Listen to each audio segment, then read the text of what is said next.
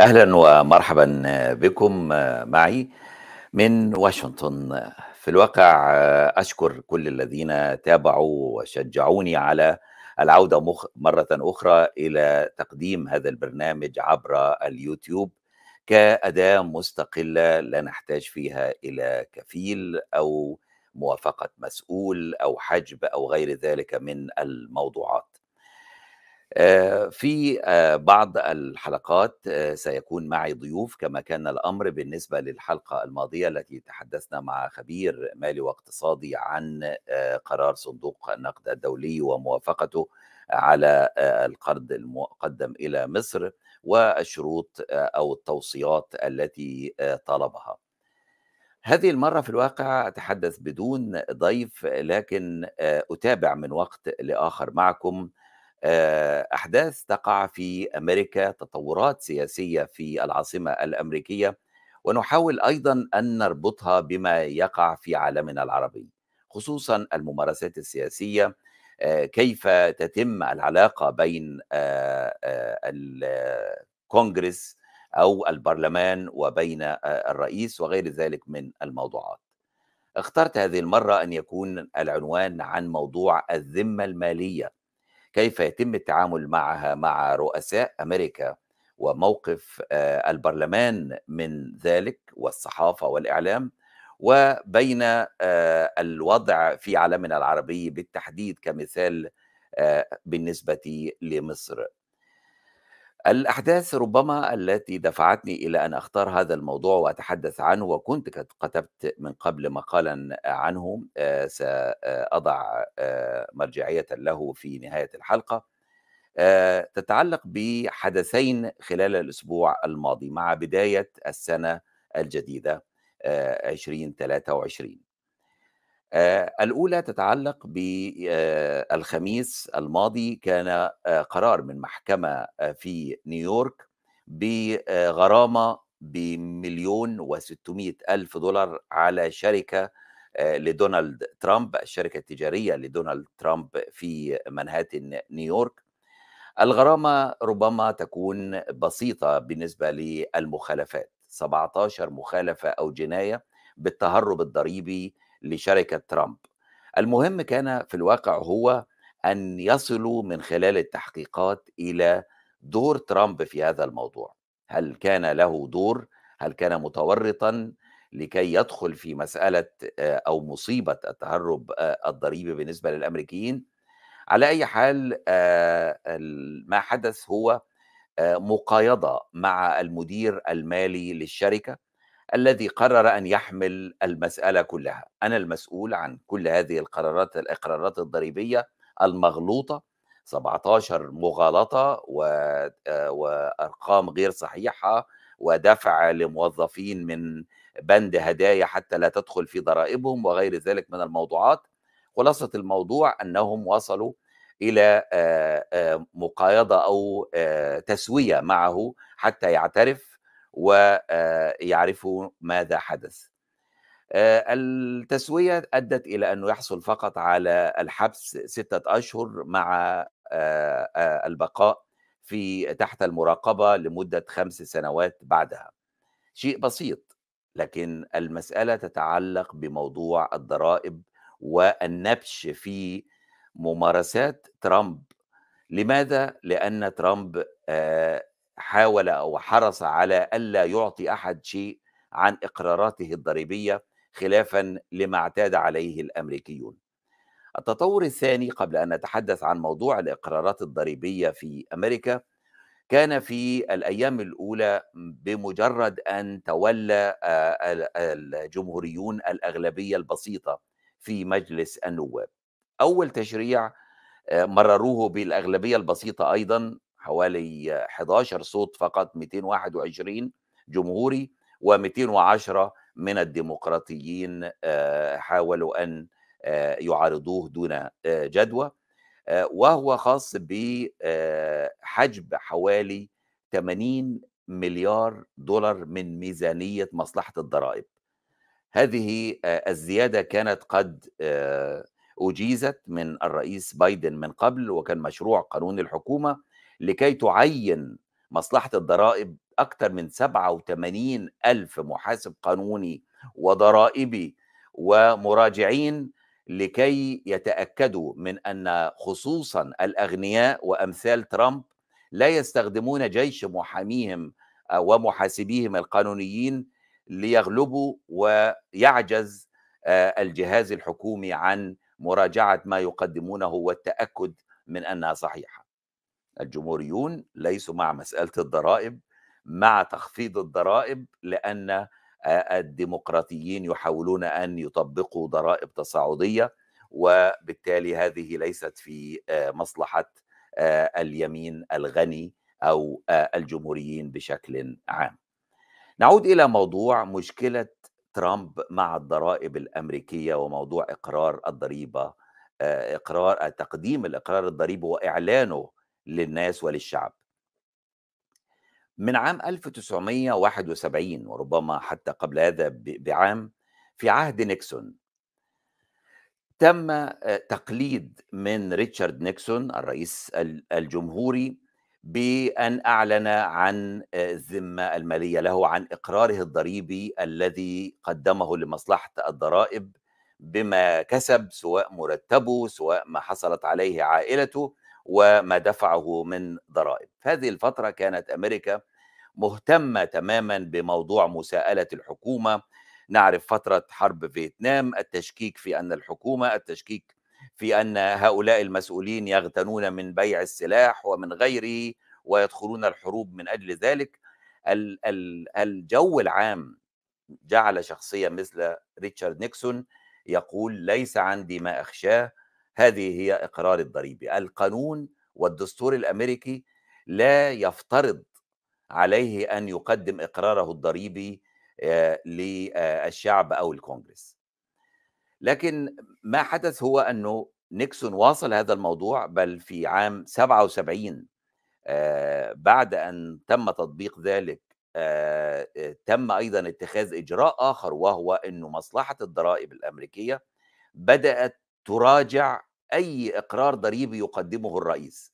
هذه الفترة كانت زحمة ووتر جيت وفضيحة ووتر جيت التي أدت إلى استقالة الرئيس وبالتالي بعد أن ذهب نيكسون كان المسألة أنه لابد من الآن أن نراجع الإقرارات الضريبية. ما قدمه نيكسون من قبل لم يتم مراجعته من المحاسبين. صحيح مصلحة الضرائب صعب عليها عشرات الملايين أن تراجع كل واحد وتتأكد من المعلومات لكن المحاولة كانت هو انتقاء البعض. يجب أن يتم الانتقاء لا بسبب سياسي أو انتقام أو غيره ولكن أن يكون اولا بسبب ممارسات معينة بسبب زيادة ضرائب في فترة أو انخفاضها بشكل مفاجئ وأيضا بالنسبة للمسؤولين.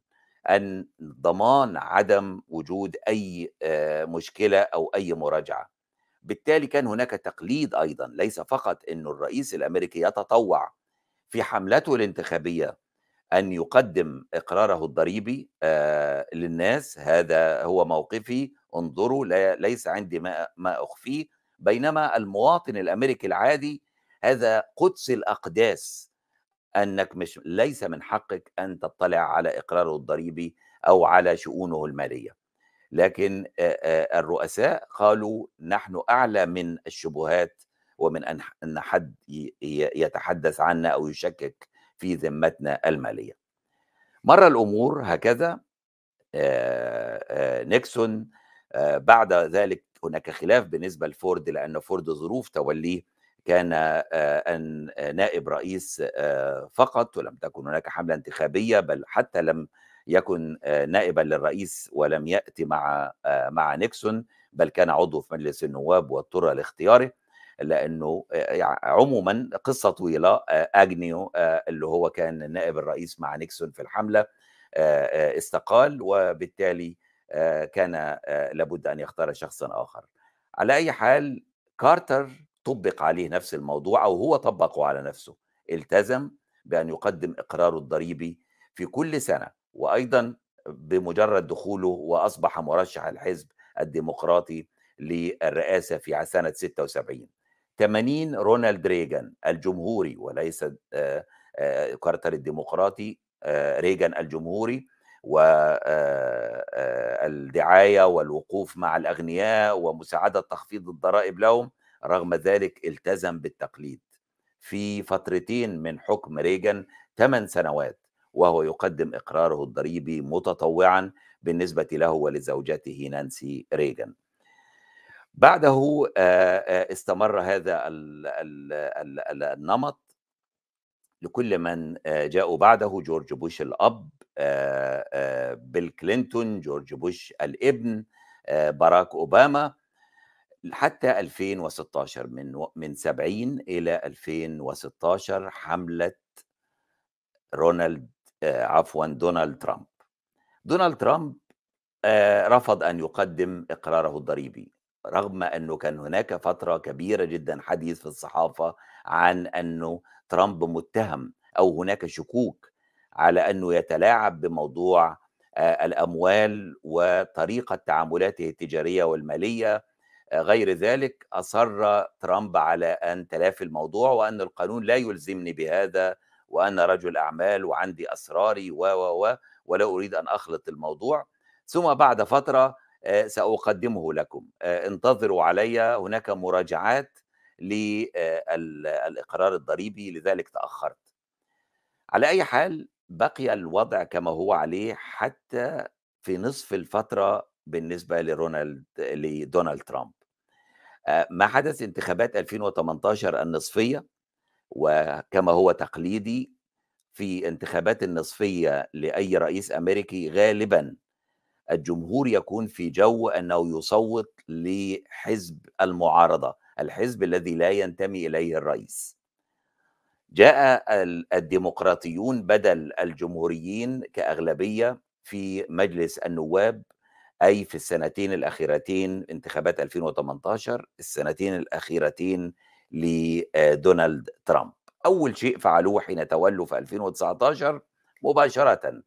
لجنة الاعتمادات وإحدى لجان مجلس النواب التي يسيطر عليها وقتها الديمقراطيون قالوا إذا لدينا قانون يعود إلى عام 1924 هذا القانون بيقول إنه الرئيس الجمهورية وحده ومن حقه أن يطلع لاعتبارات أمن قومي سلطات تنفيذية غيره يطلع على الإقرار الضريبي لأي مواطن. وأيضا أن أعضاء معينين أو لجان معينة يكون لها ما يبرر أن تطلب من مصلحة الضرائب الاطلاع على إقرار ضريبي.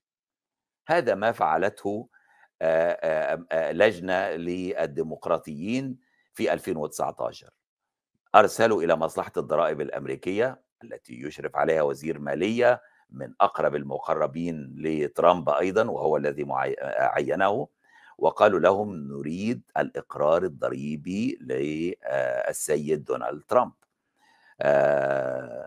هذه الفترة وقتها فقط اكتشفوا فيما بعد الديمقراطيون أن مصلحة الضرائب بدأت شيء لم تفعله منذ عامين من إدارة ترامب وهو مراجعة البيانات التي قدمها والإقرار الضريبي لأنها لم تراجعه بينما منذ عام 77 يفترض أن الرئيس الجمهورية يراجع إقراره الضريبي وليس يؤخذ فقط كما هو.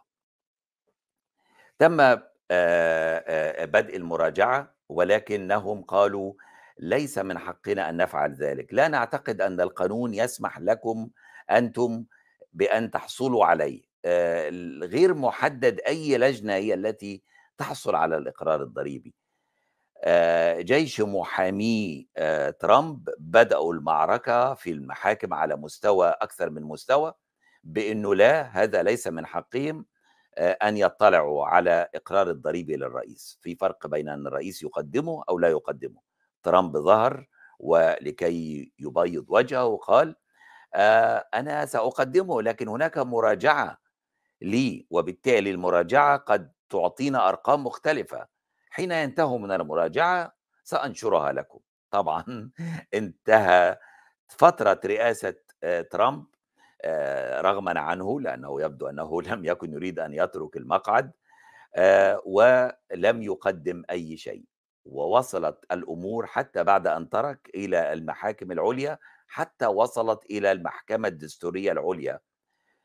المحكمة الدستورية العُليا ربما ترامب كان عنده أمل بأنهم يرفضوا، لماذا؟ لأنه ترامب عيّن أو اختار طبعًا مجلس النواب مجلس الشيوخ هو الذي والذي كان آآ مع الجمهوريين وقتها، آآ هو الذي اختار 3 من هؤلاء القضاة، على حظه في ال4 سنوات كان له فرصة أن 3 أن يتركوا مقعد المحكمة العُليا، لأنه مقعد مدى الحياة، بمجرد أن يُعيّن مقعد مدى الحياة، فإما الوفاة أو يصل للسِن والشيخوخة إلى أنه لا يريد أن آآ يواصل أو المرض آآ في أغلب الأحوال. بالتالي آآ التوزيع مجلس آآ المحكمة الدستورية هم 9 قضاة، حتى لا يكون هناك فردي ل آآ آآ ضمان 5 أمام 4 أو هكذا. 6 مع عيّنهم جمهوريون ويفترض أنهم محسوبين على اليمين المحافظ، و3 عيّنهم ديمقراطيون ومحسوبين على الليبراليين، اليسار، الشعبويين وهكذا. لكن لمفاجأة ترامب المحكمة الدستورية بالأغلبية التي اختارها وبالناس الذين اختارهم قالوا لا. نعم، من حق الكونجرس أن يحصل على آآ الإقرارات، ولكن يُحدد الموضوع بالفترة التي خدم فيها أو ربما قبلها بسنة أو سنتين. بالتالي فعلًا اضطروا أن ينفذوا قرار المحكمة آآ مصلحة الضرايب ووزارة المالية، طبعًا الوضع كان اختلف لأنه الرئيس بايدن هو اللي كان، لكن حتى لو لم يكن كان سيضطروا لتنفيذ القانون، وسلّموا لهم البيانات والإقرارات الضريبية التي أخفاها ولم يظهرها ترامب من عام 2015 حتى 2020 آخر سنة كاملة قضاها في البيت الأبيض. لا أريد أن أدخل في تفاصيل كثيرة، لكن المفاجآت كانت غير عادية حين أُعلنت، أتحدث عن سنة 2016 اللي هو كان فيها الحملة الانتخابية وكل الناس يق يقولون له: "أين إقرارك الضريبي؟" ترامب لا تكاد لا تمُر سنة إلا وحصل فيها على آآ من 10 إلى 20 أو 30 مليون دولار دخل. دفع كام في 2016؟ 800 ألف دولار فقط، عفوًا 800 دولار. في 2020 السنة الأخيرة ليه كام دفع؟ 0 لم يدفع أي ضريبة، لماذا؟ لأنه محامين مقدّمين هذا ما كسبناه وهذا ما خسرناه، اخصم 10 من 10 يطلع 0 وآآ بالتالي آآ بما فيها حتى المُرتّب، مُرتّب الرئيس هو 400,000 دولار. ترامب قال: "أنا تبرّعت ب آآ مُرتّبي من أول ما جاء إلى الرئاسة وجعلها في حملته الانتخابية، آآ إني أنا متبرّع بكل ال المُرتّب بتاعي لل للأعمال الخيرية، حين تتبرّع لجمعيات خيرية بيُخصم هذا من الضرائب، لا تعتبر دخل بالنسبة لك لتشجيع الناس على تشجيع الأعمال آآ الخيرية. في المقابل بايدن المسكين الغلبان آآ الذي يق يقدّم قراره الضريبي آخر قرار ضريبي قدّمه آآ لسنة 21 في 22 بيقدّم السنة اللي قبلها. في واحد 2021 آآ أي السنة الأولى له في البيت الأبيض، قدّم إقراره الضريبي هو وزوجته معًا، الدخل الكامل له خلال السنة 610,000 دولار، منهم 400,000 دولار آآ من آآ مُرتّب آآ الرئيس الجمهورية، و210 أخرى بعض الأمور سواء زوجته بتدرس أحيانًا في كُلّية جامعية متوسطة، غير ذلك، لكن مبلغ متواضع، 600,000 دولار كام دفع منها بايدن ضرائب؟ 150,000 دولار، بينما نتحدث عن ترامب وصل أحيانًا إلى 30.000.000$ أرباح، دفع منها في سنة 800$ وفي السنة الأخيرة صفر. في سنة منهم دفع 1.500.000 سنة أقل، لماذا؟ لأنه لعبة تر نقل ال الخسائر غير ذلك من الموضوعات، على أي حال الموضوع فتح مجالات في أمريكا. التحقيقات والتنقيب والمراجعة بدأت لاصطياده والبحث عن الأمور التي وجد فيها مثلما وجدوها بالنسبة لشركته في نيويورك. آآ يبُد أنه ينتظر الكثير من المفاجآت، لكن ما نريد أن نتحدث عنه أن هذا شيء مُقدَّس بالنسبة للأمريكيين، لكي تضمن أن الرئيس يكون فوق الشبهات، لابد أن يقدِّم إقراره الضريبي تطوعًا. رغم إنه كما ذكرت لا يوجد قانونًا أو دستوريًا أي شيء من هذا القبيل. هذا ما يحدث هنا بالنسبة لي أو هناك بالنسبة لكم. ماذا يحدث على الجانب الآخر من البحار؟ مصر لها تجربة مبشرة يفترض.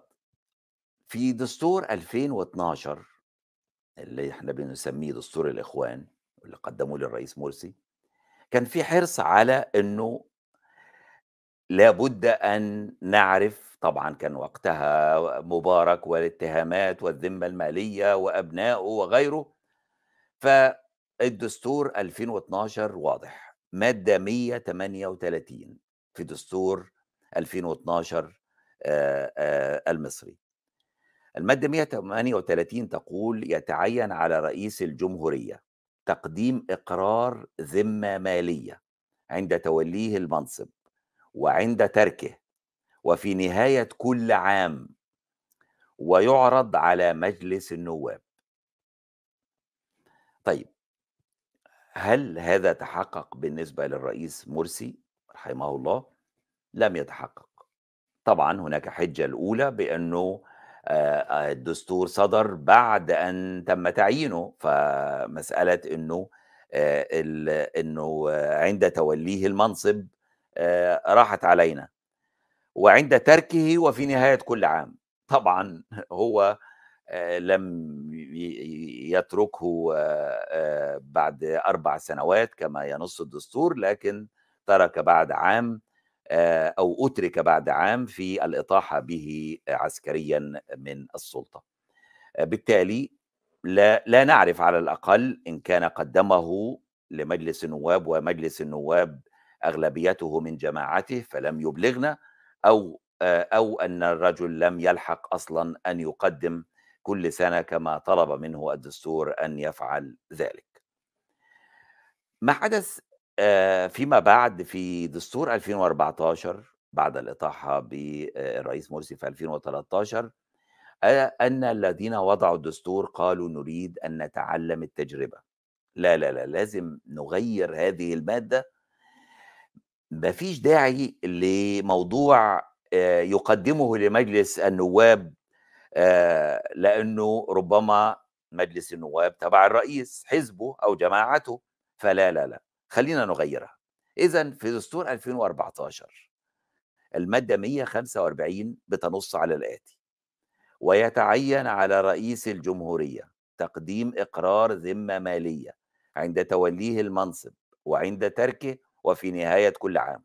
حتى الآن نفس التعبير ونفس اللغة لدستور 2012 لكن هم ضافوا عليها وغيّروا إيه: "ويُنشر الإقرار في الجريدة الرسمية." يعني هتنشرها، هتنشرها، هتُعلن، يعني هتُعلن. ما لا داعي إنك نقدّمها لمجلس النواب وندوّر في مجلس النواب يا ترى راحت عند مين، لأ خلاص تُنشر في الجريدة الرسمية. هل هذا حدث أم لا؟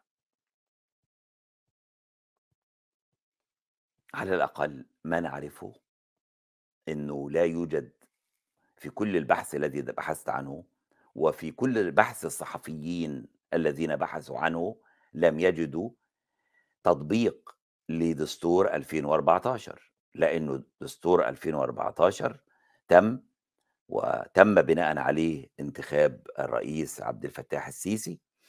لم يقدم عند توليه المنصب أو لا نعرف إن كان قدم فلم يعلن. وفي نهاية كل عام لا يوجد تقرير ذمة مالية وعند نهاية الفترة عند تركه. هو لم يترك لكن عند تركه بمعنى أيضا نهاية الفترة. كل أربع سنوات وقتها كان أربع سنوات آه، يفترض أنه تقدم. بالتالي الصحفيين في حملة الرئيس السيسي الثانية الانتخابات الثانية 2018 بحثوا في هذا الموضوع المادة كذا 145 أين كان في مؤتمر صحفي والخبر كان منقول من المصري اليوم بتنقل إنه صحفيين سألوا السيد بهاء أبو شقة آه، متحدث باسم الحملة وقتها عن أين الذمة المالية للرئيس؟ الرئيس لم يقدمها، قال لهم لا موجودة. آه، ابحثوا في الإنترنت ستجدوها في الجريدة الرسمية كما يقول الدستور. آه، لكن بالمناسبة هو هيكون فيها فرق شوية. إيه الفرق يا فندم؟ هي هتكون ناقصة. أنتوا عارفين إن الرئيس وعد في حملته الانتخابية بإنه أو بعد ذلك بإنه تتبرع بنصف ثروته لصندوق تحيا مصر. هذا هو الفارق حتى أكون واضح معكم. ذهب الصحفيون بحثوا لم يجدوا شيئا. لم يكتفوا بذلك. صحفيون أيضا نشيطون ومعروفون بصحافة جريئة واستقصائية و آه، عميقة في البحث آه، مدى مصر. صحفية في مدى مصر أعتقد رنا ممدوح أنا مش بسلمها تسليم أهلي وقتها ذهبت بحسن نية آه، وذهبت إلى الجريدة الرسمية إلى المطابع دار المطابع والمطبوعات التي تصدر الجريدة. يا جماعة عايزين إقرارات الذمة المالية للرئيس المحامي بتاعه قال لنا دوروا عليه على الإنترنت فيمكن موجودة على الأقل في ال في ال موجودة عندكم في كل جريدة رسمية وفي الأعداد. بحثوا كما نقل التقرير على مدى مصر وقتها لا يوجد. أرجوك دور كويس، لأ مش موجود. عظيم. لا يوجد تفسير. ننتقل إلى مادة أخرى وضعها دستور 2014 أولئك الذين وضعوا الدستور بحسن نية. وضعوا مادة كمان 166 آه، في دستور 2014 تقول ويتعين على رئيس مجلس الوزراء وأعضاء الحكومة تقديم إقرار ذمة مالية عند توليهم وعند تركهم مناصبهم وفي نهاية كل عام وينشر فين؟ في الجريدة الرسمية. هل حدث؟ في الواقع لم يحدث ليس هذا فقط على الأقل. في 10 يناير العام الماضي 22 هذا الخبر على صحيفة الوطن طبعا صحيفة الوطن صحيفة وطنية للآخر يعني. لكن محرر الصحيفة للشؤون القضائية والقانونية شاب مجتهد اسمه محمد عيسى أيضا مش تسليم أهالي. الخبر بيقول الآتي العنوان رفض دعوة تطالب بنشر الذمة المالية للوزراء في الجريدة الرسمية قضت محكمة القضاء الإداري. بعدم قبول الدعوة المقامة من عبد الرحمن عوف المحامي. من مين؟ عبد الرحمن عوف. ده مش تسليم أهالي. طالب فيها بإلزام الجهة الإدارية بنشر إقرار الذمة المالية للوزراء السابقين والحاليين منذ قيام ثورة يونيو ونشرها بالجريدة الرسمية طبقا للدستور. ويوضح الخبر بإنه لماذا قضت المحكمة بعدم قبول الدعوة لانتفاء صفته في الدعوة. طبعا بيوضح بإنه آه إنه ليس من حقه هو إنه يرفعها وإنه آه محكمة القضاء الإداري جزء من القسم الإداري والمادة عشرة من قانون مجلس الدولة بتوضح بأنه الطعن يكون من ذوي الشأن أو من رئيس هيئة مفوضي الدولة. طبعًا لو حد عرف منكم مين هم ذوي الشأن ممكن تطلبوا منهم. ال ال المفارقة في الموضوع إنه المحامي وضع ديباجة قوية جدًا وهو يطلب، هو لم يطلب بالنسبة للرئيس، هو طلب فقط الوزراء، لكن صحيفة الدعوة بيقول إيه؟ إن الرئيس السيسي يكافح الفساد منذ توليه مهام منصبه. وتابعت أن مصر أحدثت ثورة اجتماعية واقتصادية شاملة كبناء المجتمع على نحو يحقق كذا والمشروعات العملاقة للرئيس عبد الفتاح السيسي. وأوضحت الدعوة أنه منذ أن وضع الدستور وأزاحت مصر الفصيل الإخواني وهي تشهد ثورة صناعية تحققت من خلال القضاء على الفساد الذي استشرى وأن المادة 166 تنص على قيام رئيس الوزراء والوزراء ب ب ب. المحكمة الإدارية رفضت الحكم لأنه ليس من حقه. أن يطلب عموما قبل أن أختم يجب أن نكون منصفين. شخص واحد أو مسؤول واحد على الأقل على حد معلوماتي وعلى حد البحث البسيط آآ آآ الذي قمت به هو الذي فعل تقديم الذمة المالية له. فعلها وهو وزير مالية وقبل حتى أن يضع دستور 2012 آآ هذا المطلب. لكن وضعها حين كان وزير مالية في 2011 ثم في أغسطس 2013 2 أغسطس 2013 نشر الذمة المالية له كرئيس للوزراء على صفحة الفيسبوك لمجلس الوزراء وللمتحدث باسم مجلس الوزراء بكل وضوح الرجل وضعها. وهو الدكتور حازم الببلاوي.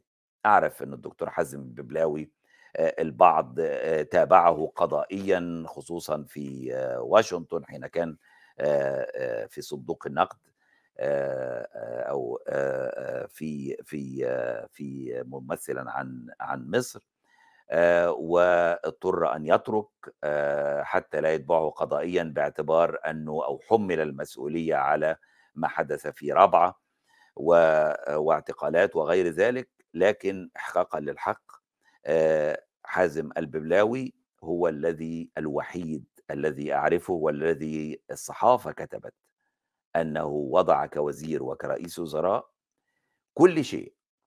2 مليون ونص دولار أسهم تزيد أو تقل كما يوضح في تقريره 2013 في شركة أمريكية للبورصة ولاداره الاستثمارات في البورصة. 70 ألف جنيه في المكان الفلاني باسم زوجتي. 420 ألف دولار مجموع كل ما لدينا في حسابات وفي كل حسب في بنك كذا وبنك التنمية وبنك كذا. كل شيء موجود لدي أنا سيارة بي إم دبليو كذا من موديل كذا. زوجتي سيارة هوندا من موديل كذا. في الواقع حتى بالمقارنة بالأمريكيين أنت مطلوب منك بالنسبة لأمريكا المسؤولين إقرار الضريبي. أي إقرار الضريبي ليس الذمة المالية إقرار الضريبي بمعنى الربح والدخل الذي دخلك في هذه السنة. لكن بالنسبة للقوانين المصرية والدستور المصري رائع. ده الذمة المالية كل اللي عندك كل مرة تقول إيه هو اللي مازال عندي؟ أنت والقصر. لكن في فرق بين الواقع وبين الورق. الورق ورقهم. أشكركم وإلى اللقاء في حلقة أخرى. مزيد من التفاصيل ربما ليس تفاصيل في الواقع المقال الذي كتبت عنه ولكن ملخص لهذا الموضوع في موقع المنصة. طبعا في موقع المنصة لا أحاول أيضا أن أثير عليهم المشاكل أكثر ما هي موجودة خصوصا أن الموقع أصلا محجوب في مصر لكن على الفيسبوك موجود المقالات فيه سأضعها أسفله في وصف الفيديو رابط لهذا المقال. واشكركم وأيضا أستحثكم مرة أخرى أن تسجلوا في هذه القناة حتى ينتظم بالنسبة لي مواعيد إرسال تقديم هذه الفقرات التي سأحاول أن تكون أكثر من مرة اسبوعيا. وعلى الأقل يأتيكم إشعار و و وإخطار بأن هناك حلقة أخرى جديدة حتى يمكنكم أن تتابعوها، وأيضًا ربما أن أطلب منكم أن توزّعوها أو ترسلوها لكل معارفكم وأصدقائكم، هذا فقط ما أطلبه، أشكركم وإلى اللقاء مع تحياتي، حافظ الميراثي.